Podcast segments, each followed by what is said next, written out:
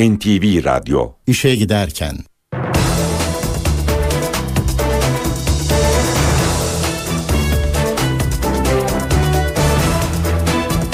Mutlu sabahlar. Ben Aynur Altunkaş. Bugün 26 Eylül Çarşamba işe giderkenle karşınızdayız. Saat 9'a kadar Türkiye ve dünya gündemindeki gelişmeleri aktaracağız. Gazete manşetlerini, ekonomideki son verileri, yol ve hava durumlarını paylaşacağız. Önce gündemin öne çıkan başlıkları.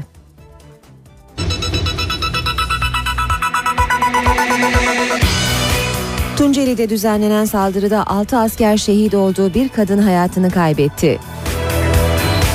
Adalet Bakanı Ergin terörün çözümü için Abdullah Öcalan'ın kullanılabileceğini söyledi. Usta Ozan Neşet Ertaş bugün son yolculuğuna uğurlanacak. Bolu'da meydana gelen trafik kazasında 9 kişi öldü, 32 kişi yaralandı. Samsun Terme'de 600'den fazla kişi zehirlenme belirtileriyle hastaneye başvurdu. İşe giderken gazetelerin gündemi.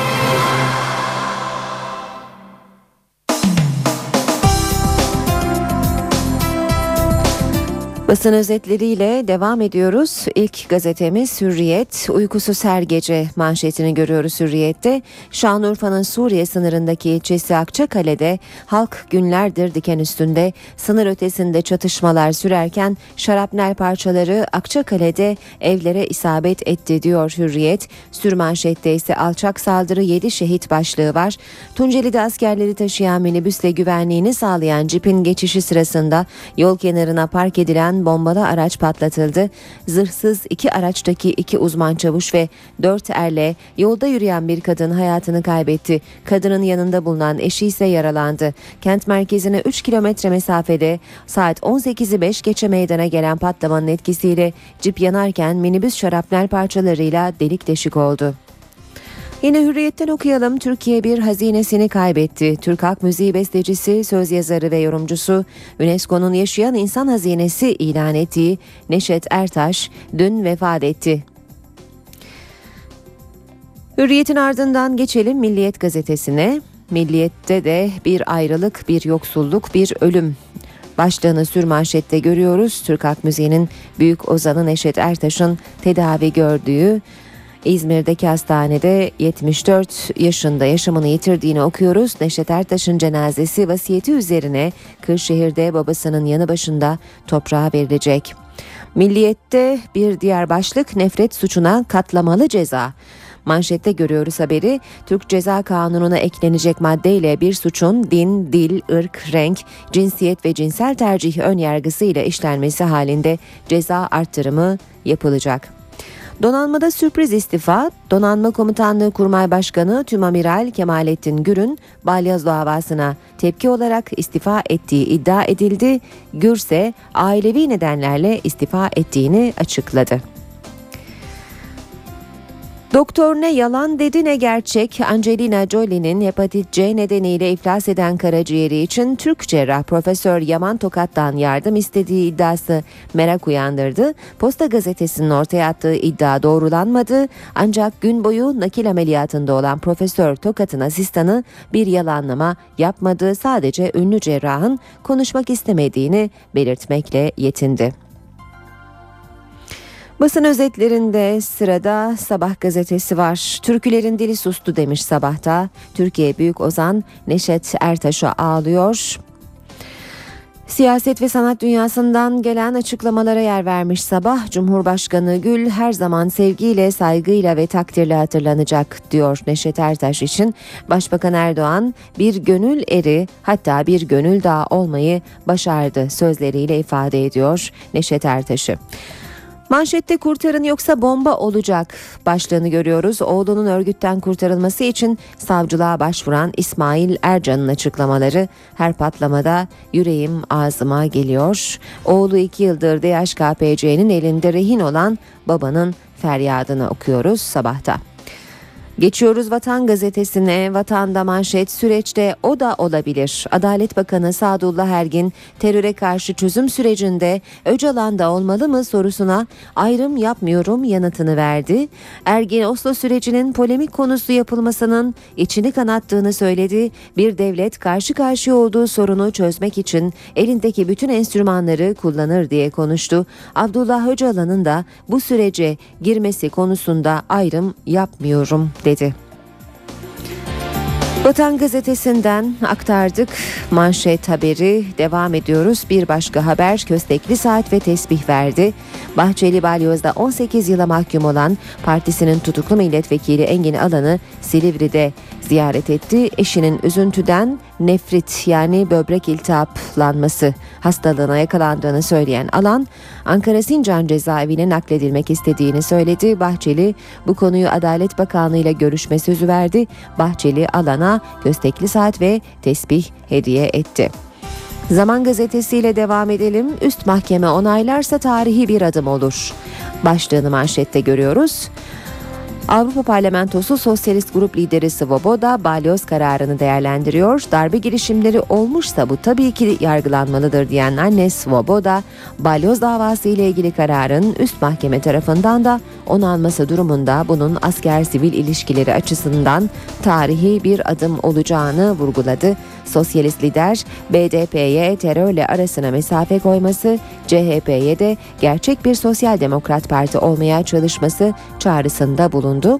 Geçelim Cumhuriyet Gazetesi'ne bu şovda sonuç belli başlığını görüyoruz. Rıza Türmen'e göre balyoz kararı Yargıtay'da değişmez ancak Avrupa İnsan Hakları Mahkemesi'nden döner. 10 yıl Avrupa İnsan Hakları Mahkemesi'nde görev yapan Türk Türmen ağır cezaların yağdırıldığı balyoz davası kararını Doğu Avrupa'da Stalin'in rakiplerini tasfiye ettiği davalarla Dreyfus ve Sacco ile Vanzetti davalarına benzetti. Bu davaların amacı mesaj gözdağı vermektir diyen Türmen, şov tırnak içinde yargılamanın Avrupa İnsan Hakları Mahkemesi'nde bozulacağı görüşünde. Cumhuriyet manşette kapkara bir dönem 7 şehit daha diyor. Tunceli'de terör tuzağı. Tunceli'nin Merkez Atatürk Mahallesi'nde dün akşam askeri personel taşıyan sivil plakalı minibüsün geçişi sırasında bomba yüklü araç uzaktan kumandayla patlatıldı. Minibüsle güvenliğini sağlayan zırhlı aracın yandığı saldırıda iki uzman çavuş, dört er ve bir sivil şehit oldu. Bir sivil ağır yaralı.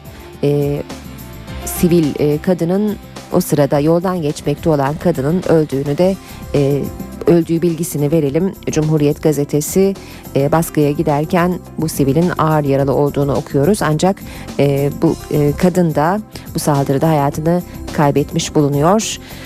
Habertürk gazetesi de biri kadın yedi şehit demiş. Tunceli'de zırhlı cip geçerken bomba yüklü araç patlatıldı. E, kent merkezinde terör örgütünün düzenlediği saldırıda zırhlı araçla asker taşıyan bir sivil araç yandı.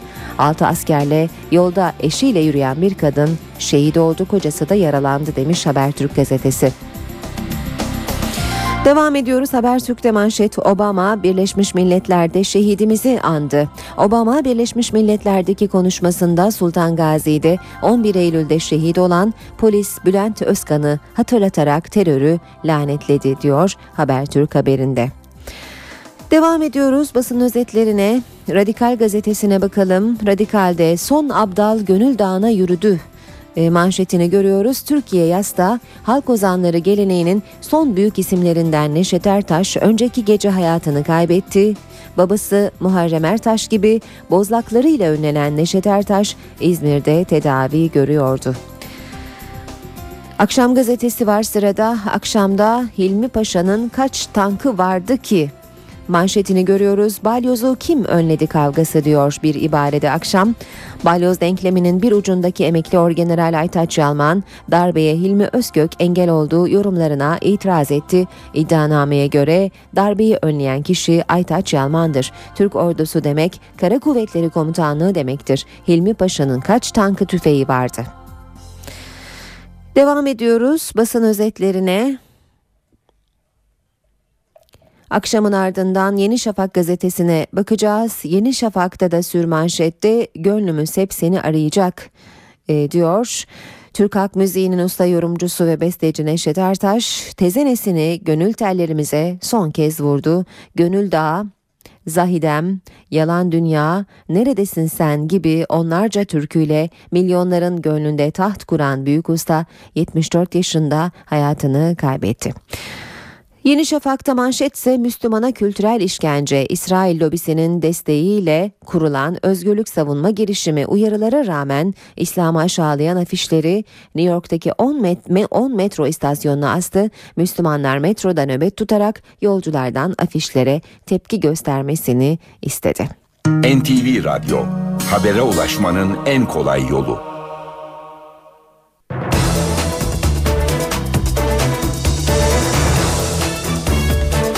7.15 saatimiz NTV Radyo'da işe giderken gündemin ayrıntılarıyla devam ediyor.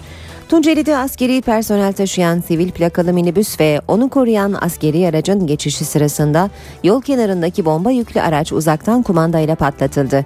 Saldırıda 6 asker şehit oldu. Eşiyle yürüyüş yapan bir kadın da hayatını kaybetti. Teröristlerin dikkat çekmemek için bir telekomünikasyon şirketine ait bakım aracını gasp ederek saldırıyı gerçekleştirdiği belirlendi.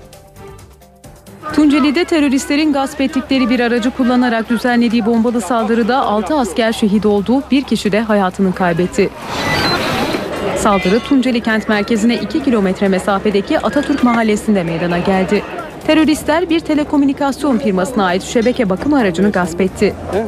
Bomba yüklenen araç dikkat çekmesin diye yapım çalışmalarının sürdüğü yolun kenarına park edildi. Askeri personel taşıyan sivil minibüs ve arkasındaki askeri aracın geçişi sırasında araçtaki bomba uzaktan kumandayla patlatıldı.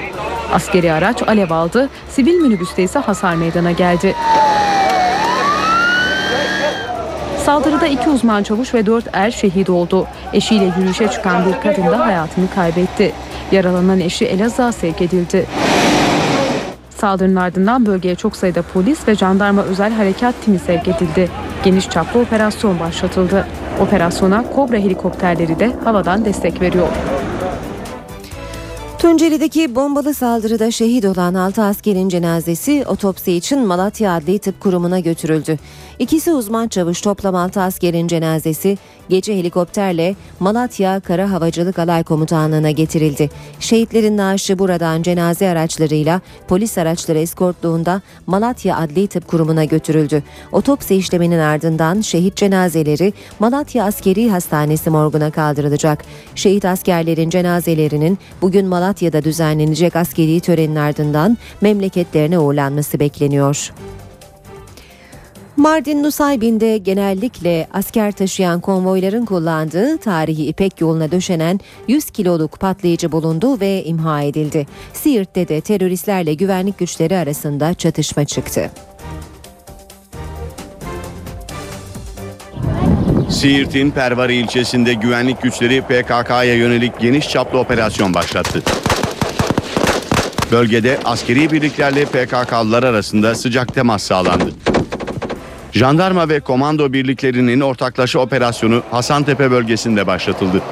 Bir grup PKK'lının izine rastlayan askeri birliğin teslim ol çağrısına teröristler ateşle karşılık verince çatışma çıktı. Kobra helikopterler grubun kaçış güzergahını ateş altına aldı. Olay yerinde 6 adet el bombasıyla çok sayıda mühimmat ve çeşitli malzeme bulundu. Mardin'in Nusaybin ilçesinde de PKK'lı bir grup Şırnak ve Kuzey Irak sınırına asker taşıyan konvoyların kullandığı tarihi İpek yolunda menfez altına patlayıcı tuzakladı. İncelemede patlayıcının uzaktan kumandalı olduğu tespit edildi. Ekipler yolu trafiğe kapattıktan sonra patlayıcıyı etkisiz hale getirdi. Amerika Birleşik Devletleri'nden yeni satın alınan 3 Süper Kobra helikopter de 4 yıl sonra filoya katıldı. Tau ve Hellfire gibi füzelerin yanı sıra 20 milimetrelik otomatik top da bulunan Süper Kobralar İç Güvenlik Harekat Merkezi'nde göreve başlayacak. BDP eş başkanı Selahattin Demirtaş hükümetin Oslo görüşmeleri devam edebilir gerekirse müzakereler yapılabilir yönündeki açıklamalarını önemsediklerini belirtti. Şu an herhangi bir görüşmenin yapılmadığını söyleyen Demirtaş her gün umudu çoğaltacak siyasi yaklaşım göstermek bütün siyasetçilerin boynunun borcudur dedi. Adalet Bakanı Sadullah Ergin, Abdullah Öcalan'ın da terör çözümünde bir enstrüman olarak kullanabil- kullanılabileceğine işaret etti. Oslo görüşmelerine ilişkin eleştirilerin terörün çözümüne hiçbir katkı sağlamadığını söyledi Ergin. NTV yayına katılan bakan, nefret suçlarına yönelik düzenlemenin de meclis açılır açılmaz parlamentoya sunulacağını belirtti. Abdullah Öcalan da bu sürecin içine girmeli mi Sayın Bakan? Ya ben ayrım yapmıyorum. Yani bu sorunu çözecek tüm enstrümanlar vardır. Değişen şartlara, gelişen ortama göre bu ülkeyi, bu milleti bu illetten kurtarabilmek için gerekli gördüğünüz adımları atmak bir görevdir. Adalet Bakanı Sadullah Ergin, terörün çözümü için Abdullah Öcalan'ın da bir enstrüman olarak kullanılabileceğini söyledi. Ergin, Oslo görüşmelerine ilişkin eleştirileri de değerlendirdi. Oslo süreci ile ilgili e, tartışmalar benim içimi kanatıyor. Bir devlet karşı karşıya olduğu bir sorunu çözmek için elindeki enstrümanların hepsini kullanır. E, bu çalışmaların bu tür polemiklere kurban edilmemesi gerekir. Sadullah Ergin, Öcalan'ın kimseyle görüşmediği iddialarının ise gerçeği yansıtmadığını söyledi.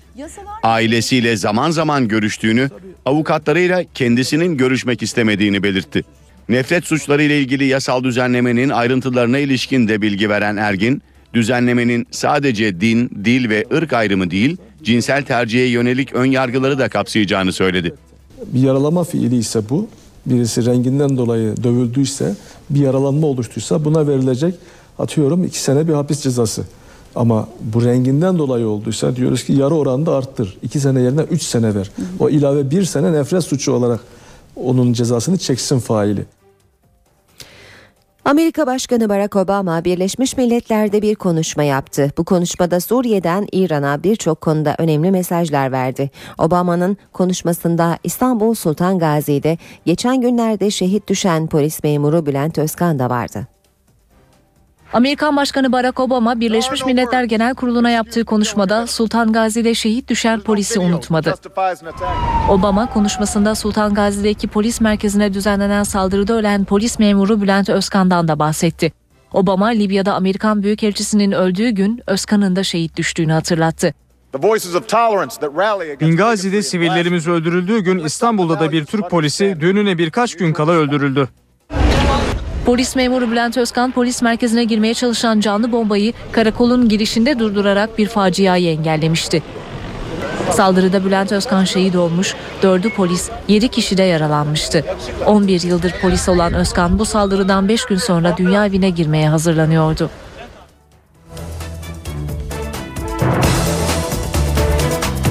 İşe giderken. Türkiye usta ozan Neşet Ertaş'ı kaybetti. İki haftadır yaşam savaşı veren Bozkır'ın tezenesi Neşet Ertaş bugün babası ünlü halk ozanı Muharrem Ertaş'ın Kırşehir'deki mezarının yanına defnedilecek. Törene Başbakan Recep Tayyip Erdoğan ve CHP lideri Kemal Kılıçdaroğlu da katılacak. Seni Neşet Ertaş, Bozkır'ın tezenesi hayata gözlerini yumdu.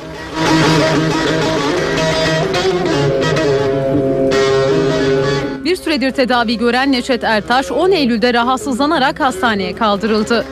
Teşhis kanserdi.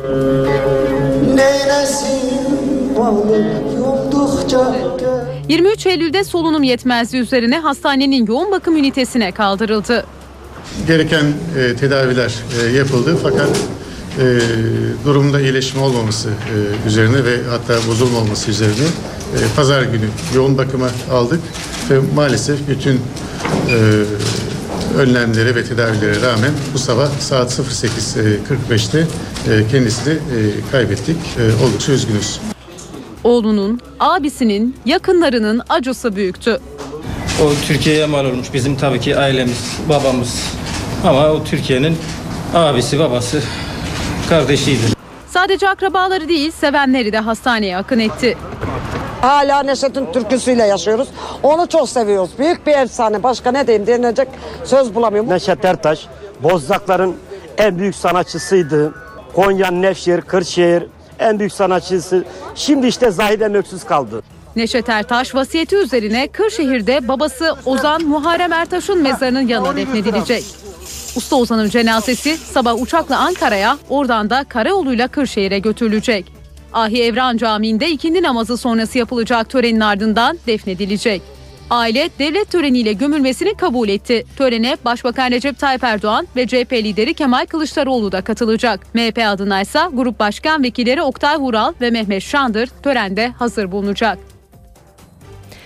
Neşet Ertaş'ın ölüm haberiyle birlikte devletin zirvesinden de peş peşe başsağlığı mesajları geldi. Cumhurbaşkanı Gül mesajında yalan dünyaya veda etti ifadesini kullandı. Meclis Başkanı Cemil Çiçek, Başbakan Tayyip Erdoğan ve CHP lideri Kılıçdaroğlu da başsağlığı mesajı yayımladı. Yalandan yüzüme gülen dünya Büyük Ozan Neşet Ertaş'ın vefatı Ankara'da üzüntüyle karşılandı. Cumhurbaşkanı Abdullah Gül, Neşet Ertaş'ın vefatından derin üzüntü duyduğunu dile getirdi. Neşet Ertaş ifade edilemeyen duyguları türkülerine yansıtarak dilden dile dolaşmış, gönülleri fethetmiştir.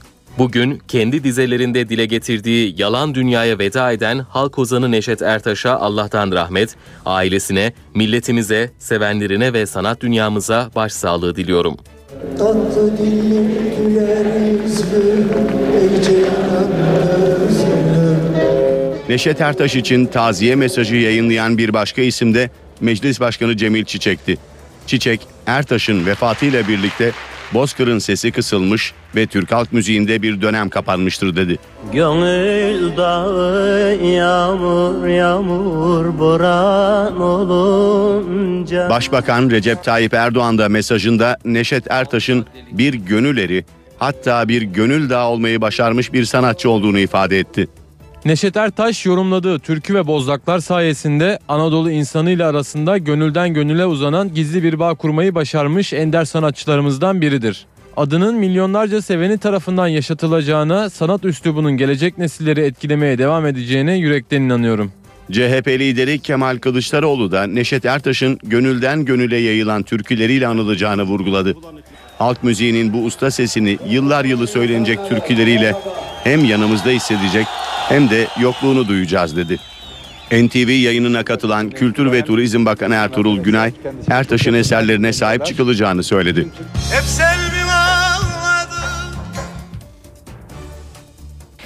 Neşet Ertaş'ı anlatmak için zaman gerekiyor. Ancak zorluklarla dolu hayatında yaptıkları sazıyla, sözüyle toplumsal hafızaya katkısı işimizi kolaylaştırıyor. Devlet sanatçılığını ben halkın sanatçısıyım deyip reddetmişti ama UNESCO'nun onu yaşayan insan hazinesi listesine alması çok şey anlatıyor. Gönül dağı yağmur yağmur boran olunca Gönül Dağı, Mühür Gözlüm, Zahidem. Bağlama ve türkü deyince akla ilk gelen isimlerden Neşet Ertaş 1938'de Kırşehir'de doğdu. Çocukluğu Kırtıllar Köyü'nde geçen Ertaş müzikle babası saz ustası Muharrem Ertaş sayesinde ilkokul yıllarında tanıştı. Önce keman ardından bağlama çalmayı öğrendi. Babasıyla birlikte yörenin düğünlerinde saz çalıp türkü söylemeye başladı. Baba dedim neden sen kendin beste yapmıyorsun, türkü üretmiyorsun dedim. Oğlum dedi ozanlar birbirinin devamıdır dedi. Profesyonel müzik hayatına 1950'li yılların sonunda İstanbul'a gelişiyle başladı. İlk plağı Neden Garip Ötersin Bülbülü işte bu yıllarda kaydetti. Çok sevilen plan ardından yenileri geldi, konserler başladı. Neden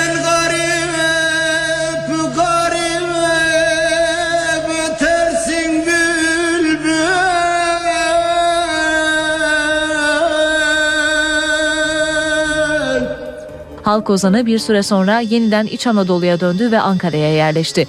Sağlık sorunları nedeniyle kardeşinin yanına Almanya'ya giden Ertaş'ın 23 yıllık vatan hasretiyle başlamış oldu. 2000 yılında İstanbul'da verdiği konserle yeniden ülkesinde sahneye döndü. Programın insanları merhaba Gurbet yıllarında kendisine Erdoğan Atakar tarafından takılan Bozkır'ın tezenesi lakabı halk ozanıyla adeta bütünleşti.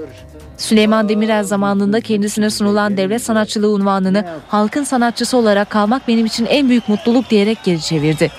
UNESCO tarafından yaşayan insan hazinesi kabul edilen Ertaş, İTÜ Devlet Konservatuarı tarafından Fahri Doktor ödülüne layık görüldü.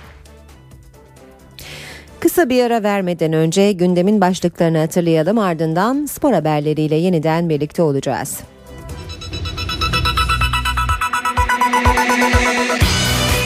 Tunceli'de düzenlenen saldırıda 6 asker şehit olduğu bir kadın hayatını kaybetti. Adalet Bakanı Ergin terörün çözümü için Abdullah Öcalan'ın kullanılabileceğini söyledi. Usta Ozan Neşet Ertaş bugün son yolculuğuna uğurlanacak. Bolu'da meydana gelen trafik kazasında 9 kişi öldü, 32 kişi yaralandı. Samsun Terme'de 600'den fazla kişi zehirlenme belirtileriyle hastaneye başvurdu.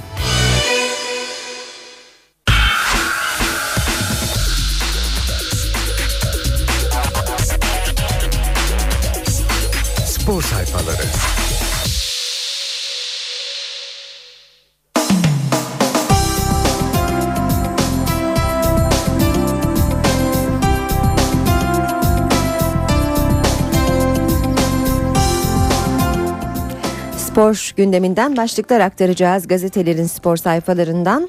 Saat 7.36 Milliyet gazetesiyle başlayalım. Zorla güzellik 1-2. Beşiktaş Ziraat Türkiye Kupası'nda tur atladı ama ecel terleri döktü. Amatör Niğde Belediyespor'la karşılaşan yedek ağırlıklı Beşiktaş birinci dakikada Kadir'le öne geçti. Durdu.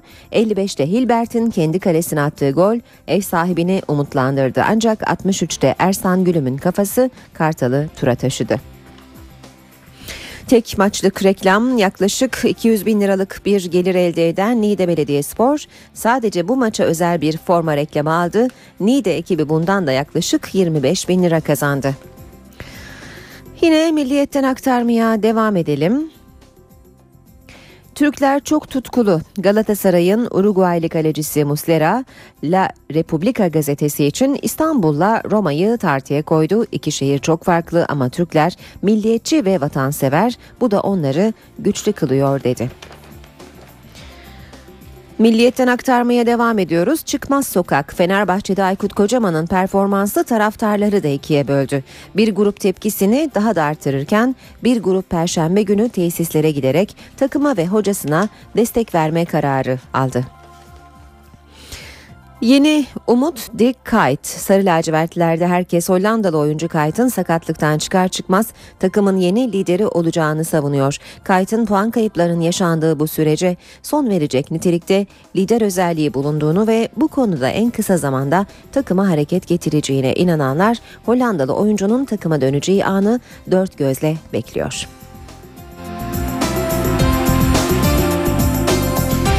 Yine Fenerbahçe ile devam edelim. Kocaman artık kendine gelmeli. Levent Kalkan'ın değerlendirmeleri Galatasaray ve Fenerbahçe arasındaki farkı belirleyen Fatih Terim'le Aykut Kocaman'ın son iki sezondaki icraatları oldu. Terim önderliğindeki sarı kırmızılı takım doğru yapılanma, isabetli transferler ve cesaretle yola devam ediyor. Sarı lacivertler ise yanlışların faturasını ödüyor. Üzgün ama umutlu. Trabzon Fenerbahçe maçında kaçan 3 puana yanarken ortaya konan olumlu futbol hem camianın hem de yönetimin moralini yükseltti. Genel sekreter Hasan Yener bize yakışan bir maç oynadık dedi. Şikeyi makine çözecek Lokomotiv Plodiv takımının Bulgar Ligi'nde tüm maçlarından mağlubiyetle ayrılan Vrasta'ya yenilmesi şike iddialarını beraberinde getirdi. Kulüp başkanı tüm takımını yalan makinesine sokacağını açıkladı. Spor gündeminden başlıklar aktarmaya devam ediyoruz. Rekor bende sıradaki başlık Dünya Süper Sport Şampiyonası'nda mutlu sona ulaşan milli motosikletçimiz Kenan Sofuoğlu çok mutlu olduğunu belirterek iki kez şampiyon olan iki kişi var. Ben de üç kez oldum ve rekor bende dedi. Geçelim Hürriyet gazetesine ilk başlıklar Niğde Belediyespor Beşiktaş maçı ile ilgili olacak. Hürriyet gazetesinden aktaracağız. Çıldırtan tur. Beşiktaş amatör lig takımı Niğde Belediyespor karşısında ecel terleri döktü. Maçın 20. saniyesinde Kadir Arı ile öne geçen Kartal 54'te Hilbert ile kendini vurdu. 63. dakikada Ersan'ın golü siyah beyazlıları korkulu rüyadan uyandırdı. Yeni bir polemik e, konusu var sporda. Kadın futboldan anlar mı? Ümit Özat'la Simge Fıstıkoğlu gerginliği yeni bir tartışmanın da fitilini ateşledi demiş Hürriyet gazetesi. Hemen hemen tüm gazetelerin spor sayfalarında bu polemikle ilgili çeşitli taraflardan alınan görüşleri okuyoruz. Ümit Özat'ın benim futbol tartışacağım kişi en az benim kadar futbolu bilmeli sözleri üzerine Simge Fıstıkoğlu bir televizyon programındaki e, tartışmada futbol üzerine konuşmak için gördüğünü anlamak yeterli ifadesini kullanıyor. Ve bu tartışmadan sonra kadın futboldan anlar mı polemiği başlıyor. Devam ediyoruz Hürriyet'ten farklı bir haberle helalleşmenin perde arkası. Trabzonspor maçı sonrası Fenerbahçe soyunma odasında duygulu anlar yaşandı. Kocaman kimseyi eleştirmedi, teşekkür etti. Yolu, e, kötü geçen Trabzonspor karşılaşması sonrası hocalarından tepki görmeyi bekleyen futbolcular başınızı yukarı kaldırın sözleriyle duygulandı. Volkan bu dayanışmayı herkese gösterelim dedi. Beni yanlış anladılar. Trabzonspor maçından sonra yaptığı hocamızla helalleştik açıklaması farklı yorumlara neden olan Volkan Demirel dün Twitter'dan konuya açıklık getirdi. Fenerbahçe kalecisi dün ilk tweetinde yaptığım röportajda kullandığım helalleşmek kelimesinin yanlış yerlere çekilmesine anlam veremedim dedi. Volkan daha sonra da ben Trabzonspor maçında yaptığımız hatalar ve olumlu hareketlerle ilgili olarak röportajda helalleşmek kelimesini kullandım diye yazdı. Misillemenin e, böylesi diyor Hürriyet gazetesi fotoğraflı bir haberde Fenerbahçe Trabzon maçında tribünlerden iki fotoğraf var. İki Fenerbahçeli kadın taraftar başlarına siyah poşet geçirtmişler ve ellerinde negro bisküviler var.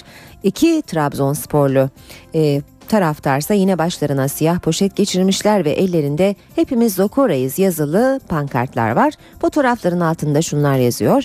Geçen sezon Trabzon'daki maçta Emre'ye vuran Zokora'ya destek için kafalarına siyah poşet takıp hepimiz Zokora'yız pankartı açan Trabzonlulara Fenerbahçelilerden misilleme geldi. Siyah poşette tribüne çıkan bazı kadınlar Emre'nin Zokora'ya sarf ettiği söylenen hakaret sözü Negro'yu bisküviyle simgeledi. Bu durum Trabzonlular tarafından tarafından ırkçılık olarak yorumlandı. Aslanlar Van için biriz dedi. Sarı kırmızılı yönetici, hoca ve sporcular büyük ilgi gördü. Tekerlekli sandalye erkek ve kadın basketbol takım oyuncuları şehirde krallar gibi karşılandı. Sporcular hayranlarıyla bol bol resim çektirip imza dağıttı. Galatasaray basketbol takımları moral ziyaretinde bulundu. Devam ediyoruz Hürriyet gazetesinden spor haberleri aktarmaya Demir Adam Puyol ne sakatlık yaşarsa yaşasın hemen sahalara dönmeyi başarıyor. Mucize geri dönüşleriyle lakabının hakkını veriyor. Barcelona kaptanı bütün sakatlıklarından doktorların verdiği tarihlerden önce oynamayı başardı. En son Getafe maçında sakatlanınca uzun süre oynamayacağı açıklandı ancak o yine 7 Ekim'deki El Clasico'ya yetişecek. Ve son olarak da Sabah gazetesinin spor sayfalarına göz atalım. Buram buram Galatasaray. Levent Düzemen Fatih Terim'i ligin en çok puan toplayan teknik adamları sıralamasında bir basamak daha tırmanışı için Florya'da kutlamış, ruhu bile sarı kırmızı dediği odasını analiz etmiş. Düzemen'in Florya'da Fatih Terim'le yaptığı özel röportajdan kareler ve başlıkları görmek mümkün bugün. Sabah gazetesinde paranın hakkını ver başlığını görüyoruz. Ee, Galatasaray Başkanı Ünal Aysal transfer döneminde başkan çocukça davranıyor sözünün sahibi Melo'nun performansından memnun olmadığını ifade etti. Kartal ecel teri döktü. İlk saniyelerde Kadir'le öne geçen Beşiktaş, 55'te Hilbert'in kendi kalesine attığı golle şoka girdi. 63'te Ersan takımını tekrar öne geçirdi. Kartal son dakikalarda ecel terleri döktü. Yine sabahtan aktaralım seni mutlu edemedik. Fenerbahçe'nin soyunma odasında yaşanan helalleşmenin perde arkasında düşünüldüğü gibi ayrılık değil özür var demiş sabahta. Kocaman'ın feneri sonradan açılıyor. Aykut Kocaman'ın Fenerbahçe'nin başındaki son 3 sezonuna bakıldığında bu yılki performansı başarısız değil. Başlığını yine görüyoruz. Bitiriyoruz böylece spor haberlerini. İstanbul trafiğindeki Son duruma bakacağız şimdi. Köprülerle başlayalım. Fatih Sultan Mehmet Köprüsü Anadolu Avrupa geçişinde yoğunluk Ataşehir'den başlıyor ve köprü girişine kadar devam ediyor. Ters yönde ise gişeler gerisinden başlayan bir yoğunluk Kavacık'a kadar etkili. Boğaziçi Köprüsü'nde Anadolu Avrupa geçişi Çamlıca'dan itibaren yoğun köprü üzerinde yoğunluk yerini rahat bir trafiğe bıraksa da köprü çıkışından sonra Çağlayan'a kadar yoğun akan bir trafiği görüyoruz. Ters yönde Avrupa Anadolu geçişinde köprü girişinin biraz gerisinden başlayan bir yoğunluk var ve köprü çıkışına kadar da bu yoğunluk devam ediyor. Nakkaştepe ve Yıldız katılımlarının da yoğun seyrettiğini söyleyelim. Tam otoyolunda Mahmut Bey Batı Kavşağı, Mahmut Bey Doğu Kavşağı, Tekstil Kent, Metris, ve Akşemsettin güzergahında trafiğin oldukça yoğun olduğunu gözlüyoruz. Kemerburgaz'dan itibaren trafik rahatlıyor. E5 karayolunda Şirin Evler, İncirli ve Merter arasında trafik yoğun seyrediyor. Daha geride Avcılar ve Küçükçekmece arasında çift yönlü bir yoğunluk olduğunu görüyoruz. Bir kaza haberi var Gülsuyu Maltepe yönünde E5 karayolunda bir maddi hasarlı trafik kazası var. Bir şerit trafiğe kapalı ve bu bölgede çift yönlü olarak trafik yoğunluğu oluşmakta ve yanı sıra Kozyatağı Göztepe arasında yavaş ilerleyen bir trafik var.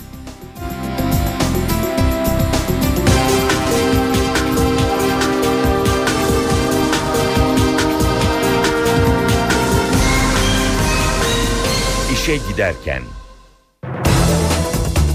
Gündeme yakından bakmaya devam edelim. Dün Silivri cezaevinde bir ilk yaşandı ve MHP lideri Devlet Bahçeli partisinin tutuklu milletvekili Engin Alan'ı ziyaret etti. Bahçeli cezaevi çıkışında kameraların karşısına geçti ve Yargıtay'a çağrıda bulundu. Bahçeli daha adil bir karar bekliyorum diye konuştu. MHP lideri Devlet Bahçeli'nin Silivri ziyareti ilk olması açısından önemliydi. Balyoz davasında 18 yıl hapse mahkum edilen İstanbul Milletvekili Engin Alan'ı ziyaret eden Bahçeli, Silivri cezaevine 4 genel başkan yardımcısıyla birlikte gitti. Devlet Bahçeli cezaevinde yaklaşık bir buçuk saat kaldı. MHP lideri Engin Alan'a üzerinde 3 hilal olan oltu taşından bir tesbihle köstekli saat hediye etti.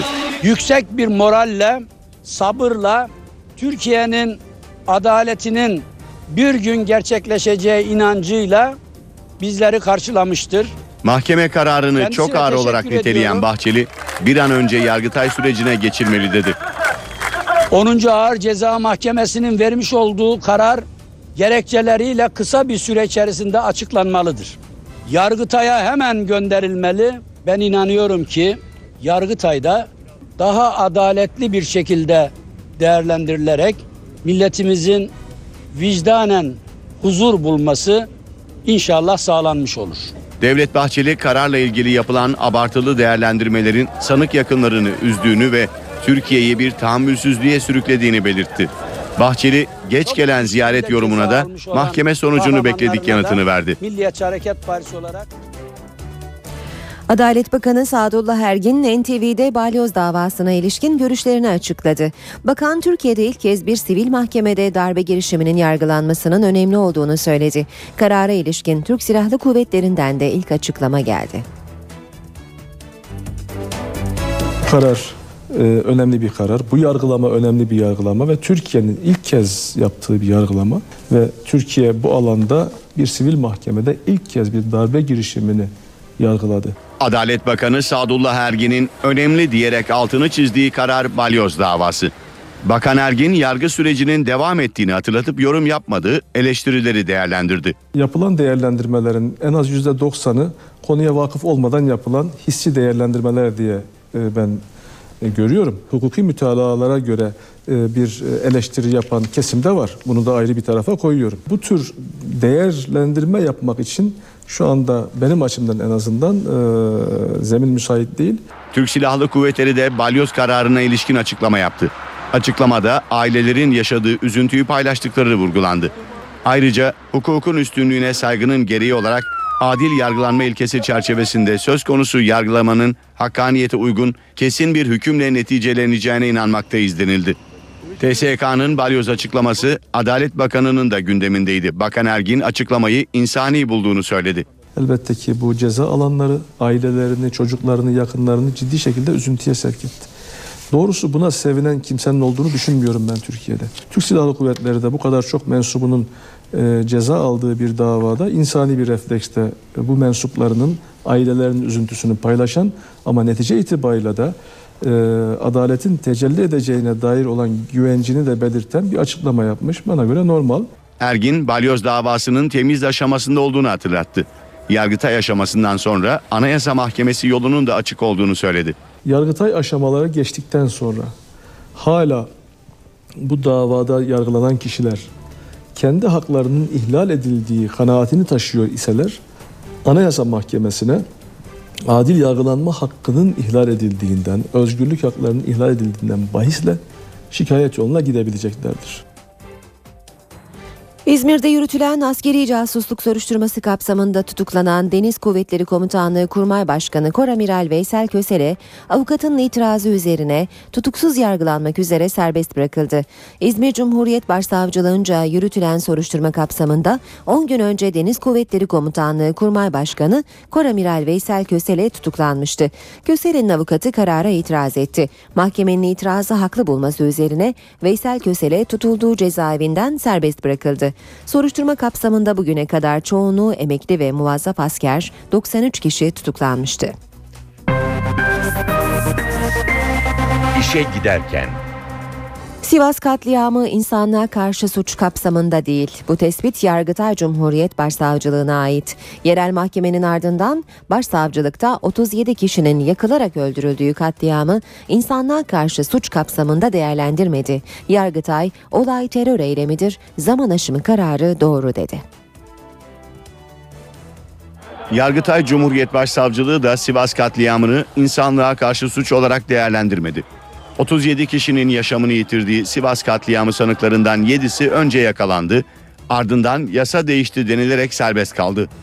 Ancak itiraz üzerine haklarında yeniden yakalama kararı çıkarılan 7 sanık sırra kadem bastı.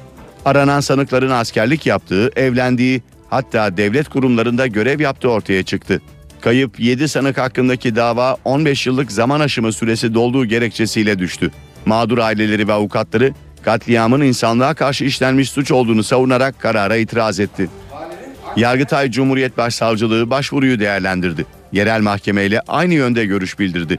Yani katliam suçunun insanlığa karşı suç değil, terör suçu kapsamında değerlendirilmesi gerektiğini vurguladı. Başsavcılık 7 sanık hakkında davanın düşmesine ilişkin kararın onanmasını istedi. Şimdi davaya ilişkin nihai kararı balyoz davasına da bakacak olan Yargıtay 9. Ceza Dairesi verecek. Bolu'da tam otoyolunda meydana gelen zincirleme trafik kazasında 9 kişi hayatını kaybetti, 32 kişi de yaralandı. Kaza saat 1 sıralarında Paşaköy'ü kavşağı yakınlarında meydana geldi. Ankara yönüne giden minibüs, yolcu otobüsü ve tır çarpıştı. Kazada 9 kişi öldü, 32 kişi de yaralandı. Kaza yerine çok sayıda ambulans ve itfaiye ekibi sevk edildi. Yaralılar çevredeki hastanelere kaldırıldı. Kaza nedeniyle Ankara yönüne ulaşıma kapanan yol, çalışmaların tamamlanmasının ardından yeniden açıldı. Samsun Terme'de birkaç saat içinde 600'den fazla kişi benzer şikayetlerle hastaneye başvurdu. Yoğunluk nedeniyle bazı hastalara ayakta müdahale edildi. Salgın şüphesi üzerine içme suyundan numune alınarak laboratuvara gönderildi. Samsun Terme'de rahatsızlanan yüzlerce kişi hastaneye koştu. İlçedeki hastanelere yüksek ateş, ishal, mide bulantısı ve kusma şikayetleriyle başvurular başladı. Sayı hızla arttı, kısa sürede 600'ü geçti. Yaklaşık 600 hastamızda ishal vakası görüldü. Bunlardan 18 tane hastamız şu an yatıyor. Ama ağır olarak nitelendirebileceğimiz hastamız yok. Yoğunluk nedeniyle bazı hastalara ayakta müdahale edildi, bazıları uzun süre beklemek zorunda kaldı. Yüksek ateş, istifar. Bugün okuldan aldık. İki gibi. Öğretmeni aradı. Durumu şu an e, yüksek ateşi devam ediyor. İlaç yazdılar. Çocuk rahatsızlandı, onu getirdik. İshali var, istifar etti, ateşi var. İşte doktor muayene etti, sonuçlar çıktı. Normal dedi, şu anda biraz bekleyin dedi. Rahatsızlığın şebeke suyundan kaynaklandığı şüphesi üzerine Sağlık İl Müdürlüğü ekipleri içme suyundan numune aldı. Halk Sağlığı Laboratuvarına gönderilen suyla ilgili sonuçların 48 saatte netleşeceği belirtildi. NTV Radyo Herkese yeniden günaydın. Ben Aynur Altunkaş. İşe giderken de sırada hava durumu var. NTV Meteoroloji Eliminden merhaba. Ege ve Akdeniz'de başlayan sıcaklık yükselmesi Marmara ve iç kesimleri de etkisi altına aldı. Gündüz sıcaklıkları yükseliyor ama özellikle iç ve doğu kesimlerde geceler serin geçmeye devam edecek. Haftanın ikinci yarısı yurt genelinde sıcaklıkların daha da yükselmesini bekliyoruz. Bugün için batıda sıcaklıklar 30 ile 33 derece arasında değişirken hafif esecek güneyli rüzgarlar çöl tozlarını taşımaya devam edecek. Yurt genelinde hava genellikle açık. Doğuda ise kısa süreli bulutlanma görülebilir ama doğu bölgelerde gece gündüz sıcaklık farkı giderek artıyor. Bugün yurt genelinde önemli bir yağış beklemiyoruz. Gün içinde Rize, Artvin, Ardahan arasında hafif yağışlar görülebilir. Hava açık rüzgar zayıf. O nedenle gece soğumasına bağlı olarak iç kesimlerde ve Marmara'da sabah erken saatlerde yine yer yer pus ve yerde çiğ görülecek. Haftanın ikinci yarısı da yurt genelinde yağış görülmeyecek. Sıcaklıklar da yükselmeye devam edecek. Bölgelerin bugünkü durumuna baktığımız zaman Trakya'da sıcaklıklar yükselirken hava genellikle açık olacak. Edirne ve civarında açık bir hava görülürken Çanakkale, Balıkesir, Bursa, Sakarya boyunca hava açık. Balıkesir'de sıcaklık 33 derece olacak. Ege'de gündüz sıcaklıkları yükseliyor. İzmir'de hava açık. Muğla, Denizli, Afyonkarahisar arasında açık bir hava görülürken Kütahya'da hava açık az bulutlu olacak. Muğla'da sıcaklık 33 derece. Isparta, Antalya, Mersin, Adana boyunca hava açık ve Adana sıcaklık 33 derece olacak. İç Anadolu bölgesinde gündüz sıcaklıkları yükselmesini sürdürüyor. Ankara, Eskişehir, Konya, Niğde, Kayseri, Sivas boyunca açık bir hava görülürken Sivas'ta sıcaklık 26 derece olacak. Bolu, Zonguldak, Samsun, Tokat, Trabzon, Artvin boyunca hava genellikle açık. Artvin, Ardahan arasında bulutlanma gün içinde artacak. Malatya'da hava açık ve sıcaklık 31 derece. Erzurum, Kars arasında açık az bulutlu. Banakkari arasında ise açık bir hava olacak. Güneydoğu'da yüksek sıcaklıklar etkisini sürdürüyor ve hava genellikle açık. Gaziantep, Adıyaman, Diyarbakır, Şanlıurfa, Mardin'de açık az bulutlu bir hava görülürken Gaziantep'te sıcaklık 31 derece olacak. İstanbul'da sabah ve geceler ısınma Ekim'in ilk günlerine kadar hava açık. Sıcaklık gündüz 29, gece ise 18 derece olacak.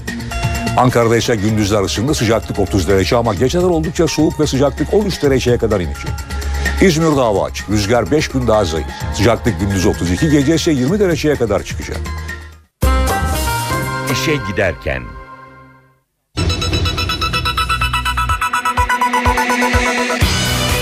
Tunceli'de düzenlenen saldırıda 6 asker şehit olduğu bir kadın hayatını kaybetti.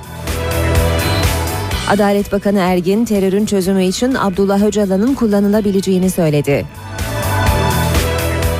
Usta Ozan Neşet Ertaş bugün son yolculuğuna uğurlanacak. Bolu'da meydana gelen trafik kazasında 9 kişi öldü, 32 kişi yaralandı. Samsun Terme'de 600'den fazla kişi zehirlenme belirtileriyle hastaneye başvurdu. İşe giderken gazetelerin gündemi.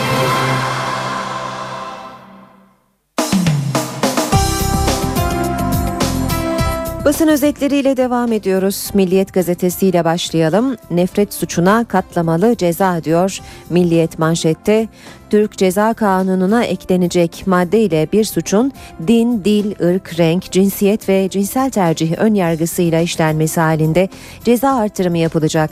İslam karşıtı filmin yarattığı olayların ardından Başbakan Erdoğan'ın gündeme getirdiği düzenleme hazır. NTV'de tasarı hakkında bilgi verdi Adalet Bakanı Ergin. Ergin'in açıklamalarını Milliyet'te görüyoruz. Nefret suçu başlı başına bir suç olarak düzenlenmeyecek. Yasalarda var olan suçlar nefret söylemiyle işlenirse cezai artırım sebebi olacak. Örneğin ceza yarı oranında artırılacak dedi. Bir diğer başlık Milliyet'ten Tunceli'ye tahrik bombası 6 şehit. PKK halktan destek göremediği bölgelerde kan akıtmayı sürdürüyor. Daha önce Gaziantep ve Bingöl'de katliam yapan örgüt bu kez Tunceli'de pusu kurdu. Kent merkezine 3 kilometre uzaklıktaki Atatürk mahallesinde askeri araç geçerken yol kenarına bırakılmış bomba yüklü araç patlatıldı. Valilik önce olayda 7 kişi vefat etmiştir açıklaması yaptı. Ancak daha sonraki açıklamasında 6 güvenlik görevlisinin şehit şehit olduğunu duyurdu. Yoldan geçen bir kadının da hayatını kaybettiği bildirildi. Bölgede hava unsurlarının da katıldığı geniş çaplı operasyonlar sürüyor. Hürriyet gazetesiyle devam edelim. Türkiye bir hazinesini kaybetti. Türk Halk Müziği bestecisi, söz yazarı ve yorumcusu UNESCO'nun Yaşayan İnsan Hazinesi ilan ettiği Neşet Ertaş dün vefat etti. Bugün cenaze töreninin Kırşehir'de yapılacağını e, belirtelim ve e, kanser tedavisi gören Ertaş'ın Kırşehir'de babasının e, baba, e, babası Muharrem Ertaş'ın yanında defnedileceği bilgisini de bir kez daha duyuralım. Hürriyette manşet uykusuz her gece. Şanlıurfa'nın Suriye sınırındaki ilçesi Akçakale'de halk günlerdir diken üstünde sınır ötesinde çatışmalar sürerken şarapnel parçaları Akçakale'deki evlere isabet etti. Bir diğer haber hürriyetten Özkök'e isyan etti. Sus artık sus. Balyoz davasının bir numaralı sanığı olarak 20 yıl hapis cezasına çarptırılan emekli orgeneral Çetin Doğan'ın eşi Nilgül Doğan, çağrılsaydım balyoz davasında da tanıklık yapardım diyen eski Genelkurmay Başkanı emekli orgeneral Hilmi Özkök'e isyan etti. Hem Hilmi Bey'e hem de diğer komutana Aytaç Yalman'ı kastederek 365 silah arkadaşı adına sesleniyorum. Lütfen susun artık. Ne tür sıfata sahip olursanız olun elinizi çekin balyoz davasından olur olmaz beyan vermeyin.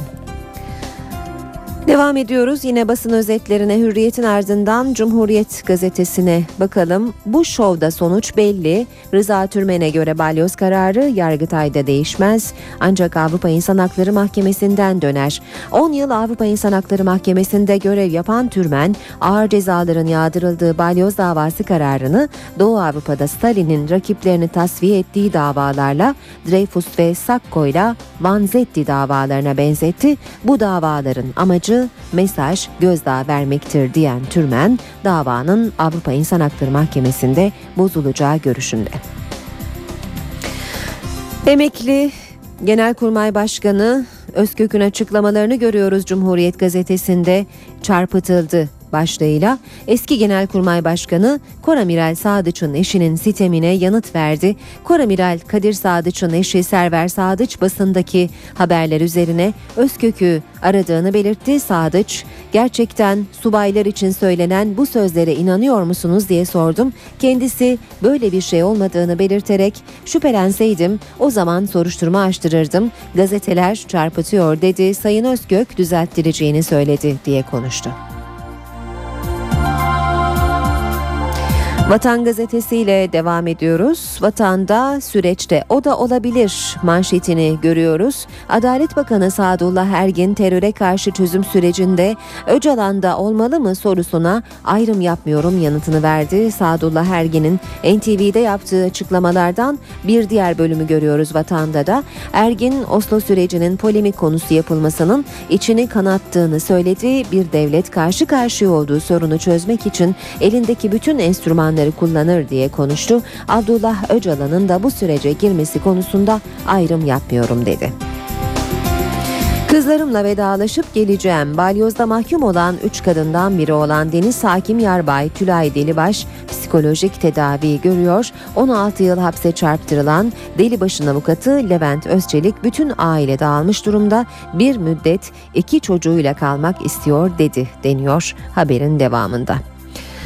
Vatanda yalan dünyaya veda etti başlığını görüyoruz yine. Türk halk müziğinin efsanesi Neşet Ertaş'ın İzmir'de kanser tedavisi gördüğü hastanede dün sabah vefat ettiği ifade ediliyor. Devam edelim basın özetlerine. Vatan Gazetesi'nden bir başlık daha zaman aşımına 6 ay kaldı. Turgut Özal'ın mezarının açılması için talimat veren savcılığın 17 Nisan 2013'e kadar zamanı var. Radikal Gazetesi, Radikal Gazetesi manşetinde bugün Neşet Ertaş'a yer veriyor. Son Abdal Gönül Dağı'na yürüdü başlığıyla Türkiye Yasta halk ozanları geleneğinin son büyük isimlerinden Neşet Ertaş önceki gece hayatını kaybetti. Babası Muharrem Ertaş gibi bozlaklarıyla ünlenen Neşet Ertaş İzmir'de tedavi görüyordu. Sabah gazetesi var sırada. Sabahta manşet kurtarın yoksa bomba olacak. Oğlunun örgütten kurtarılması için savcılığa başvuran İsmail Ercan'ın açıklamaları. Her patlamada yüreğim ağzıma geliyor. İzmirli İsmail Ercan terör örgütü DHKPC'nin kandırdığı oğlu Berk'i örgütten koparmak için çok uğraştı. Ancak başaramadı. İstanbul'da kaldığı örgüt merkezin bile bulup oğlunu istedi ama dayak yedi. Beşiktaş zorla turladı 2-1 başlığını görüyoruz sabahta. Kartal Ziraat Türkiye Kupası ikinci tur maçında bölgesel amatör lig ekibi, ekibi Niğde Belediyespor'u 2-1 yenerken öldü öldü dirildi. Büyük ilgi olan maçta Beşiktaş'ın gollerini Kadir ve Ersan attı. Akşam gazetesine bakalım. Akşamda manşet Hilmi Paşa'nın kaç tankı vardı ki? Balyozu kim önledi kavgası diyor akşam. Balyoz da e, denkleminin bir ucundaki emekli Orgeneral Aytaç Yalman darbeye Hilmi Özgök engel oldu yorumlarına itiraz etti. İddianameye göre darbeyi önleyen kişi Aytaç Yalman'dır. Türk ordusu demek Kara Kuvvetleri Komutanlığı demektir. Hilmi Paşa'nın kaç tankı tüfeği vardı? Zaman gazetesine bakalım. Zamanda üst mahkeme onaylarsa tarihi bir adım olur. Başlığını görüyoruz manşette. Avrupa Parlamentosu Sosyalist Grup Lideri Svoboda balyoz kararını değerlendiriyor. Darbe girişimleri olmuşsa bu tabii ki yargılanmalıdır diyen Hannes Svoboda, balyoz davası ile ilgili kararın üst mahkeme tarafından da onanması durumunda bunun asker-sivil ilişkileri açısından tarihi bir adım olacağını vurguladı. Sosyalist lider BDP'ye terörle arasına mesafe koyması, CHP'ye de gerçek bir sosyal demokrat parti olmaya çalışması çağrısında bulundu. Yeni Şafak gazetesi Müslümana kültürel işkence demiş manşette.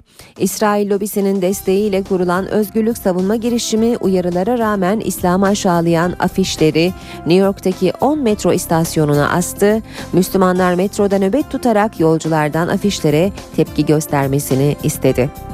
Son gazete Habertürk, Habertürk'te Devletin değil milletin sanatçısı başlığını görüyoruz. Büyük halk ozanı Neşet Ertaş'ın ölümü sevenlerini yasa boğdu. Habertürk'te manşetse Obama Birleşmiş Milletler'de şehidimizi andı. Obama Birleşmiş Milletler'deki konuşmasında Sultan Gazi'deki 11 Eylül'de şehit olan polis Bülent Özkan'ı hatırlatarak terörü lanetledi deniyor haberin devamında.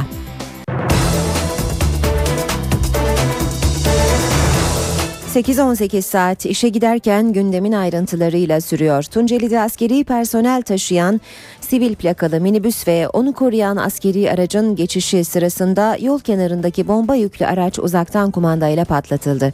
Saldırıda 6 asker şehit oldu. Eşiyle yürüyüş yapan bir kadın da hayatını kaybetti. Teröristlerin dikkat çekmemek için bir telekomünikasyon şirketine ait bakım aracını gasp ederek saldırıyı gerçekleştirdiği belirlendi.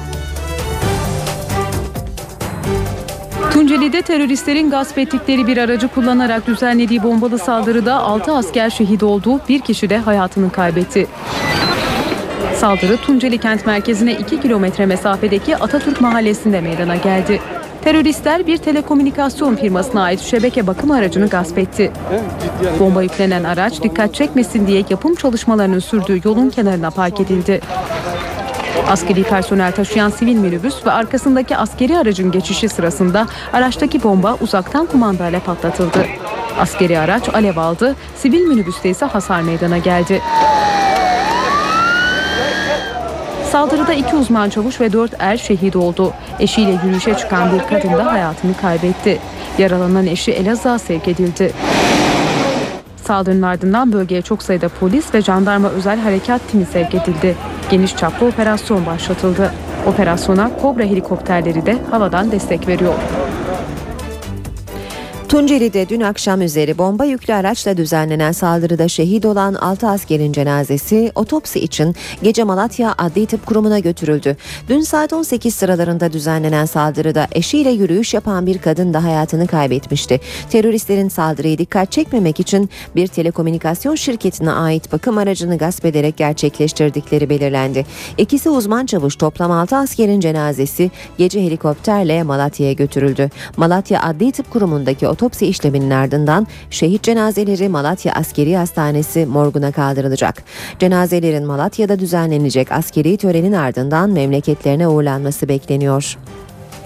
Adalet Bakanı Sadullah Ergin, Abdullah Öcalan'ın da terör çözümünde bir enstrüman olarak kullanılabileceğine işaret etti. Oslo görüşmelerine ilişkin eleştirilerin terörün çözümüne hiçbir katkı sağlamadığını söyleyen Ergin, NTV yayınında nefret suçlarına yönelik düzenlemenin de meclis açılır açılmaz parlamentoya sunulacağını belirtti. Abdullah Öcalan da bu sürecin içine girmeli mi Sayın Bakan? Ya ben ayrım yapmıyorum. Yani Bu sorunu çözecek tüm enstrümanlar vardır. Değişen şartlara, gelişen ortama göre bu ülkeyi, bu milleti bu illetten kurtarabilmek için gerekli gördüğünüz adımları atmak bir görevdir. Adalet Bakanı Sadullah Ergin terörün çözümü için Abdullah Öcalan'ın da bir enstrüman olarak kullanılabileceğini söyledi. Ergin, Oslo görüşmelerine ilişkin eleştirileri de değerlendirdi. Oslo süreci ile ilgili e, tartışmalar benim içimi kanatıyor. Bir devlet karşı karşıya olduğu bir sorunu çözmek için elindeki enstrümanların hepsini kullanır. E bu çalışmaların bu tür polemiklere kurban edilmemesi gerekir. Sadullah Ergin, Öcalan'ın kimseyle görüşmediği iddialarının ise gerçeği yansıtmadığını söyledi. Ailesiyle zaman zaman görüştüğünü, avukatlarıyla kendisinin görüşmek istemediğini belirtti. Nefret suçları ile ilgili yasal düzenlemenin ayrıntılarına ilişkin de bilgi veren Ergin, düzenlemenin sadece din, dil ve ırk ayrımı değil, cinsel tercihe yönelik ön yargıları da kapsayacağını söyledi. Bir yaralama fiili ise bu. Birisi renginden dolayı dövüldüyse, bir yaralanma oluştuysa buna verilecek atıyorum iki sene bir hapis cezası. Ama bu renginden dolayı olduysa diyoruz ki yarı oranda arttır. iki sene yerine üç sene ver. O ilave bir sene nefret suçu olarak onun cezasını çeksin faili.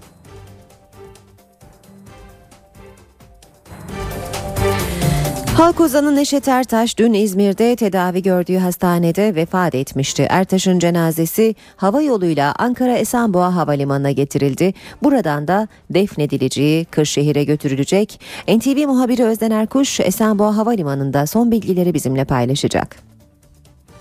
Birkaç dakika önce Neşet Ertaş'ın içinde bulunduğu uçak Esenboğa Havaalanı'na indi. Onunla birlikte elbette yakınları, ailesi 14 kişilik bir kafilede o uçaktan indiler ve birkaç dakika içerisinde de Neşet Ertaş'ın tabutunun hemen arkamızdaki cenaze aracına yerleştirileceğini söyleyelim. Dün hayatını kaybetmişti tedavi görmekte olduğu İzmir'de ünlü halk ozanı Bozkır'ın tezenesi Neşet Ertaş ve bugün de son yolculuğuna uğurlanacak. Sabah saatlerinde saat 04.30 civarında yakınları ve sevenleri tarafından tedavi gördüğü ve dün hayatını kaybettiği hastaneden alındı Neşet Ertaş'ın cenazesi. Ardından da İzmir Havaalanı'na getirildi ve daha sonra da Ankara'ya Esenboğa Havaalanı'na getirildi Neşet Ertaş'ın cenazesi. Cenazeyle birlikte olduğu Hüseyin Ertaş Dünürü ve yeğeni Metin Taplan da aralarında bulunduğu 14 kişilik yakınları ailesi de yine bu uçağın içindeydi. Kültür Bakanı'nın burada olduğunu söyleyelim Ertuğrul Günay'ın o da hem cenazeyi hem de acılı aileyi burada karşıladı ve buradan da önümüzdeki dakikalarda Neşet Ertaş'ın cenazesi cenaze nakil aracına alınacak ve ardından da doğduğu topraklara Bozkır'ın tezenesi lakabını kazandığı o Bozkır'a geri dönecek Kırşehir'e geri dönecek Neşet Ertaş yaklaşık 200 kilometrelik bir mesafeyi kat ettikten sonra Kırşehir'de Neşet Ertaş için bir cenaze töreni düzenlenecek. Sevenleri, yakınları, akrabaları olacak elbette bu cenaze töreninde ama bunun dışında Başbakan Recep Tayyip Erdoğan ve CHP lideri Kemal Kılıçdaroğlu'nun da bu cenaze töreninde hazır bulunacağını belirtelim. Yine e, Kültür Bakanı Ertuğrul Günay, bazı bakanlar, milletvekilleri, sanatçılar, sanatseverler, Neşet Ertaş'ın yakınları yine bu cenazede hazır bulunacaklar. E, elbette Neşet Ertaş'ın defnedileceği nokta önemli. Zira babasıyla birlikte bu yolculuğa başlamıştı Muharrem Ertaş da tıpkı oğlu gibi Neşet Ertaş gibi çok ünlü bir halk ozanıydı ve bir anlamda Muharrem Ertaş'tan el almıştı Neşet Ertaş ve Bozkır'ın tezenesi babasının hemen yanı başında toprağa verilecek söylediğimiz gibi sabahın erken saatlerinde hayatını kaybettiği hastaneden alındı Neşet Ertaş'ın cenazesi ardından da hava yoluyla birkaç dakika önce başkent Ankara'ya getirildi. Şu anda görevliler son hazırlıklarını yapıyorlar ve Neşet Ertaş'ın cenazesi birkaç dakika içerisinde uçağın kargo bölümünden alındıktan sonra cenaze nakil aracına koyulacak. Türkiye Ozan Neşet Ertaş'ı kaybetti. Yaşam savaşını dün sabah tedavi gördüğü hastanede kaybeden Ertaş, bugün babası ünlü halk ozanı Muharrem Ertaş'ın Kırşehir'deki mezarının yanına defnedilecek. Törene Başbakan Erdoğan ve CHP lideri Kılıçdaroğlu da katılacak. Ertaş'ın ölüm haberiyle birlikte devletin zirvesinden de peş peşe başsağlığı mesajları geldi. Yalandan yüzüme gülen dünya Ah Büyük Ozan Neşet Ertaş'ın vefatı Ankara'da üzüntüyle karşılandı. Cumhurbaşkanı Abdullah Gül, Neşet Ertaş'ın vefatından derin üzüntü duyduğunu dile getirdi. Neşet Ertaş, ifade edilemeyen duyguları türkülerine yansıtarak dilden dile dolaşmış, gönülleri fethetmiştir. Bugün kendi dizelerinde dile getirdiği yalan dünyaya veda eden halk ozanı Neşet Ertaş'a Allah'tan rahmet, ailesine, milletimize, sevenlerine ve sanat dünyamıza başsağlığı diliyorum.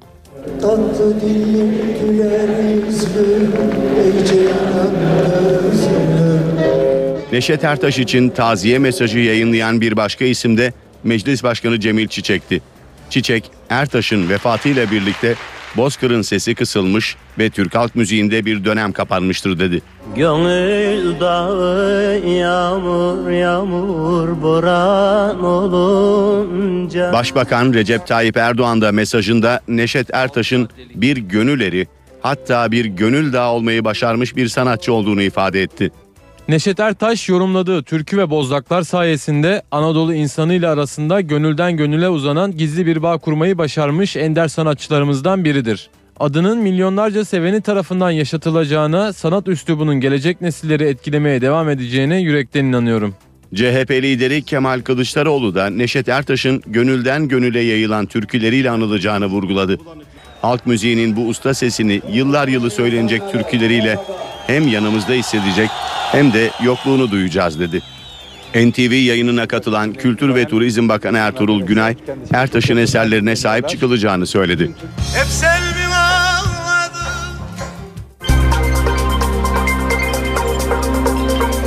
Ankara gündemi.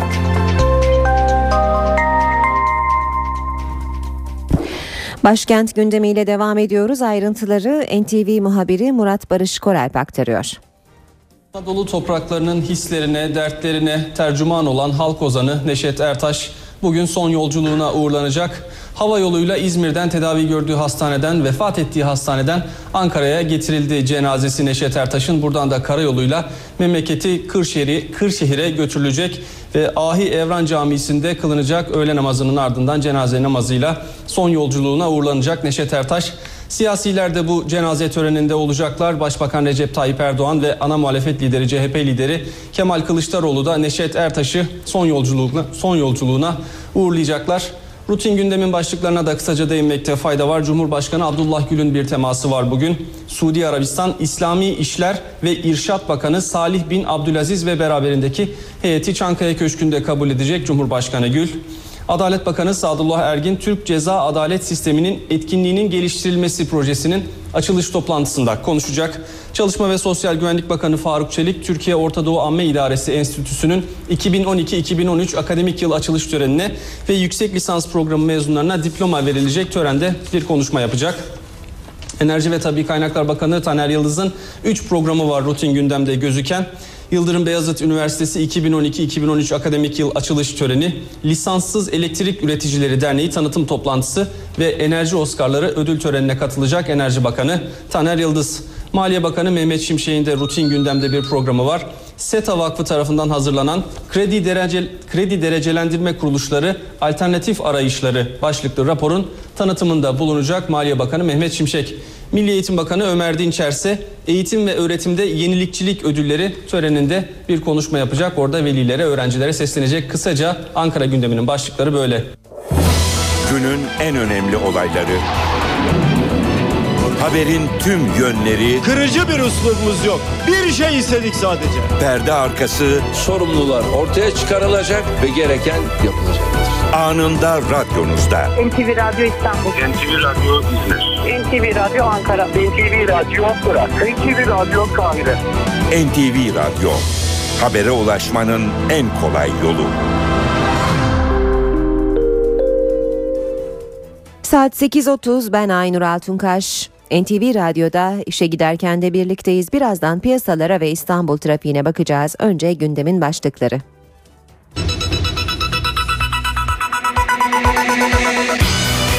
Tunceli'de düzenlenen saldırıda 6 asker şehit olduğu bir kadın hayatını kaybetti. Adalet Bakanı Ergin terörün çözümü için Abdullah Öcalan'ın kullanılabileceğini söyledi. Usta Ozan Neşet Ertaş bugün son yolculuğuna uğurlanacak. Bolu'da meydana gelen trafik kazasında 9 kişi öldü, 32 kişi yaralandı. Samsun Terme'de 600'den fazla kişi zehirlenme belirtileriyle hastaneye başvurdu.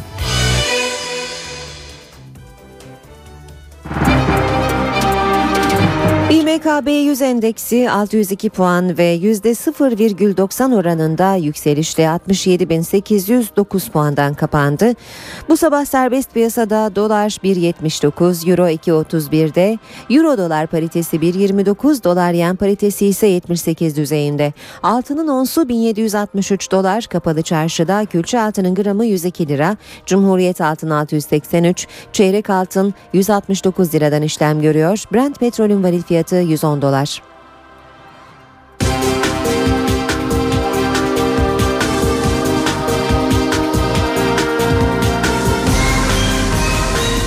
İşe giderken Az sonra kısa bir aramız olacak ama önce İstanbul trafiğine bakalım bir kez daha. Boğaziçi Köprüsü'nde Anadolu Avrupa geçişinde Çamlıca'dan başlayan bir yoğunluk var ve köprü çıkışına Beşiktaş katılımına kadar devam ediyor. Bu yoğunluk ters yönde Avrupa Anadolu geçişinde Mecidiyeköy'den başlayan ve köprü çıkışında da bir süre devam eden bir yoğunluk olduğunu gözlüyoruz. Her iki tarafta da Nakkaştepe ve Yıldız katılımlarında da trafiğin yoğun olduğunu söyleyelim.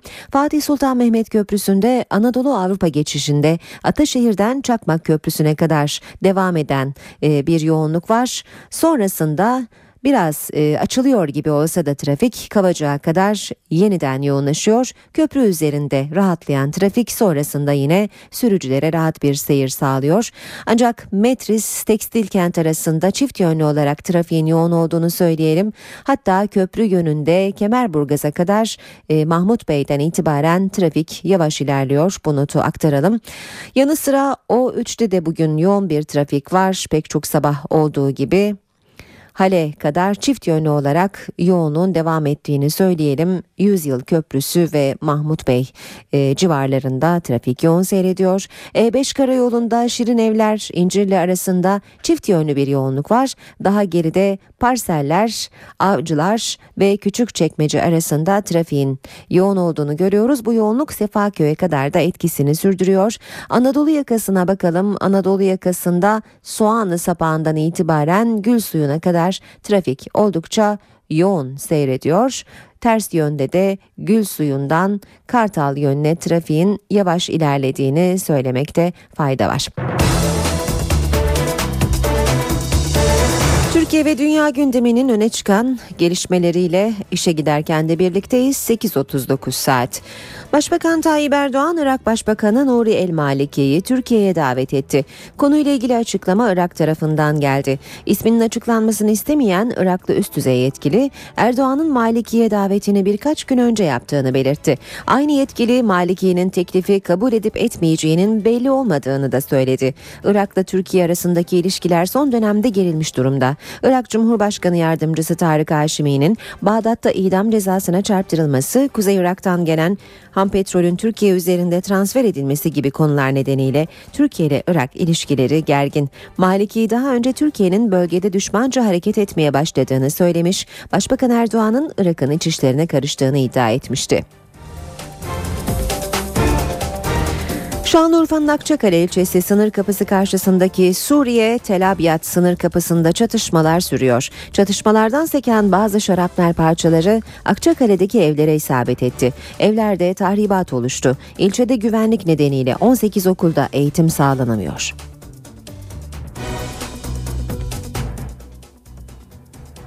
Suriye sınırında çatışmalar yeniden başladı. Şanlıurfa'nın Suriye sınırındaki ilçesi Akçakale'de de çatışma nedeniyle tedirginlik sürüyor.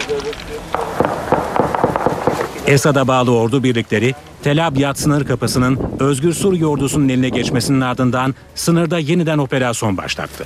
Ordu birlikleri Türkiye sınırındaki Cebel Akça kasabası ve Hribitel Coz köyünü tank ve toplarla vurdu. Birkaç günlük aranın ardından çatışmaların yeniden başlaması Akçakale'deki günlük yaşamı olumsuz etkilemeye devam ediyor. Son olarak Akçakale'de bazı evlere çatışmalardan seken şarapnel parçaları isabet etti. Camlar kırıldı, Evlerde küçük çaplı tahribat oluştu. Gece aniden patlama oldu. Bizim sınır içine düşmüş. Mahalleye düşmüş bu patlayan bomba. Parçalar budur. Evlerden topladık.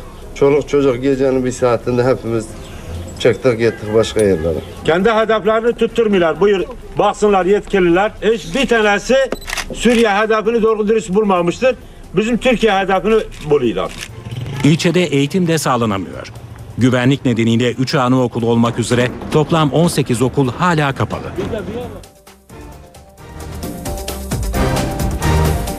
Birleşmiş Milletler Genel Kurul toplantılarında Türkiye'yi temsil etmek üzere New York'ta bulunan Ahmet Davutoğlu hem dış hem iç gündeme ilişkin değerlendirmelerde bulundu.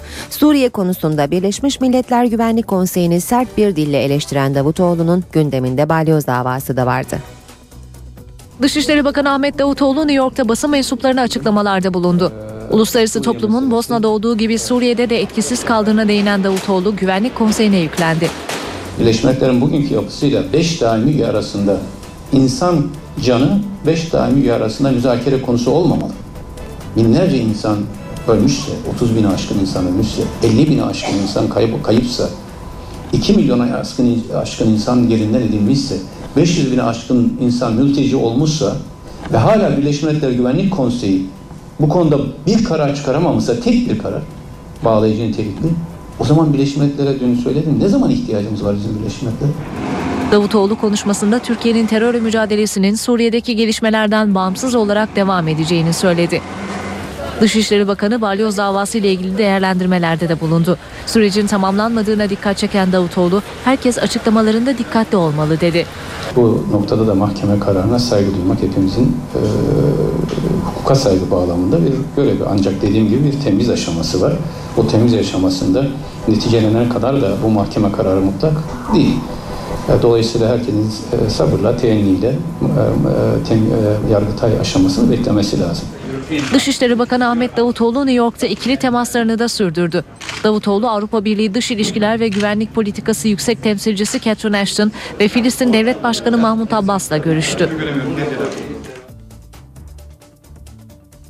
Yunanistan'ın Turizm ve Kalkınma Bakanı Olga Kefalogianni'den Türk yatırımcılara çağrı geldi. Yunan Bakan NTV canlı yayınında ekonomik krizdeki Yunanistan'ın yatırım anlamında bir cazibe merkezi olduğunu belirterek bürokratik işlemleri kolaylaştırdıklarını söyledi. Yunanistan şu anda çok büyük bir yatırım fırsatı sunuyor. Yatırımcılara dostça ortam sağlamaya çalışıyorum. Bu çağrı Yunanistan'ın Turizm ve Kalkınma Bakanı'ndan geldi. Olga Kefalogianni, NTV canlı yayınında Türk yatırımcıları Yunanistan'da yatırım yapmaya çağırdı. Bugüne kadar izlediğimiz tüm bürokratik prosedürleri kaldırdık ve yatırımcılara ılımlı bir alan sağlıyoruz. Ve Türkiye'den gelecek yatırımcılarla çalışmalara yardımcı olmak istiyoruz. Bizi krizden çıkartacak sektör turizm diyen Yunan Bakan, Türkiye'ye yapılan Schengen vize işbirliğinin devam edeceğini söyledi. Yaz içinde vize kolaylığı sağlanması nedeniyle pek çok Türk vatandaşı bizi ziyaret edebildi. Programın sonuçlarında aslında bunu arttırmayı düşünüyoruz. Yunanistan Türkiye ile çalışmaya devam edecektir. Kefalogianni, Yunanistan'ın Euro bölgesinden çıkmaması için çaba sarf ettiklerini de vurguladı. Şu anki hükümet elinden geleni yapıyor. Euro bölgesinde tutmak için çalışıyoruz. Bu çok önemli. Bizim için vermeye çalıştığımız mesaj bu. Yunanistan Euro'nun bir parçasıdır. Yunan Bakan Türkiye ziyareti sırasında Fener Rum Patriği Bartolomeo'yu da ziyaret etti. Kefalogianni'nin bir sonraki durağı TÜSİAD oldu. Yunan Bakan Kültür ve Turizm Bakanı Ertuğrul Günay'la da bir araya gelecek.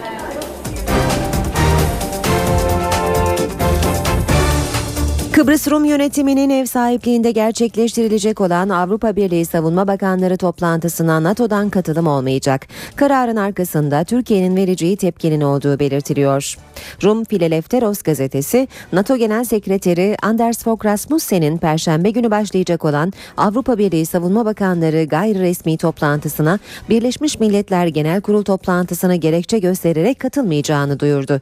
Gazete ayrıca bu toplantıda Rasmussen'i temsilen kimse kimsenin yer almayacağını yazdı. Kıbrıs Rum yönetiminin Temmuz ayında ev sahipliği yaptığı savunma politikaları müdürleri toplantısına da NATO'dan katılım olmamıştı. NATO'nun toplantılara katılmamasının arkasında Türkiye'nin baskısı olduğu belirtiliyor. Ayrıca Avrupa Birliği Dış Politika Yüksek Temsilcisi Catherine Ashton'ın da toplantıya katılmayacağı belirtiliyor. İspanya'da krize tepki büyük. Göstericiler bu kez parlamento binasını kuşattı. Polisin cevabı sert oldu. İspanya'da sokaklar karıştı. Hükümetin tasarruf tedbirlerini protesto eden göstericiler başkent Madrid'de parlamento binası önüne akın etti. Binayı işgal etmek isteyen göstericilere polis engeli gecikmedi. Polis bina çevresindeki güvenlik bariyerini delmek isteyen göstericilere copla müdahale etti. Kalabalığı dağıtmak isteyen polis göstericileri yerlerde sürükledi. İspanyol polisinin tüm çabalarına rağmen göstericiler gece geç saatlere kadar meydanı terk etmedi. Durum böyle olunca copların yerini plastik mermiler aldı. Sokaklar savaş alanına dönerken onlarca gösterici çıkan çatışmalarda yaralandı. Göstericilerin protesto ettiği Mariano Rajoy liderliğindeki İspanyol hükümetinin hazırladığı 2013 bütçesiydi. Yarın açıklanacak bütçe 13 milyonluk bir kesinti içeriyor. Bu da vergilerin artırılması ve memur maaşlarında kesinti anlamına geliyor. %25,1 ile İspanya Avrupa'da işsizliğin en yüksek olduğu ülke konumunda. Büyük Britanya son 30 yılın en yağışlı Eylül'ünü yaşıyor. İngiltere, İskoçya ve Galler sağanak yağış ve sellerle mücadele ediyor. Sağanak yağışlar Büyük Britanya'nın kuzeyini teslim aldı. Hafta başından bu yana devam eden şiddetli yağışlar nehirlerin taşmasına yol açtı. İngiltere, İskoçya ve Galler'de yüzlerce evi su bastı. Bazı yerleşim alanlarında su seviyesi bir metreyi aştı. Çok sayıda kişi evlerini terk etmek zorunda kaldı. Daha önce de evimi su basmıştı. Hayatımın normale dönmesi yıllar aldı. Yaşayacaklarımı düşündükçe başıma ağrılar giriyor. Sağanak yağışlar ulaşımı da olumsuz etkiledi. İskoçya'da bazı yollar trafiğe kapatıldı, Kuzey İngiltere'de tren seferleri yapılamadı. Yetkililer şiddetli yağışların yeni sellere yol açabileceği yönünde halkı uyardı. İşe giderkenin bugün de sonuna geldik. Programımızı bitirmeden önce gündeme kısaca bakalım. Bugün Türkiye'nin öncelikli gündeminde yine terör var. Dün Tunceli'de PKK tarafından düzenlenen son saldırıda 6 asker şehit oldu ve bir kadın hayatını kaybetti. Şehitler için Malatya'da bugün askeri tören düzenlenecek. Bugün Türkiye Usta Ozan Neşet Ertaş'a veda ediyor. Dün hayatını kaybeden Neşet Ertaş bugün Kırşehir'de babasının mezarının yanında ikindi namazının ardından toprağa verilecek. Törende Başbakan Erdoğan ve CHP lideri Kemal Kılıçdaroğlu da yer alacak. Günün dikkat çeken bir diğer gelişmesi ise Amerika Başkanı Barack Obama'nın yaptığı açıklamalar. Obama Birleşmiş Milletler'de yaptığı konuşmada İstanbul Sultan Gazi'de şehit düşen polis memuru Bülent Özkan'dan bahsetti. Konuşmasında terör olaylarına dikkat çeken Obama, Libya'da Amerikan Büyükelçisinin öldüğü gün Özkan'ın da şehit düştüğünü hatırlattı. Saat başında gelişmelerle yeniden karşınızda olacağız. İşe giderkenden bugünlük de bu kadar. Ben Aynur Altunkaş. Hoşçakalın. NTV Radyo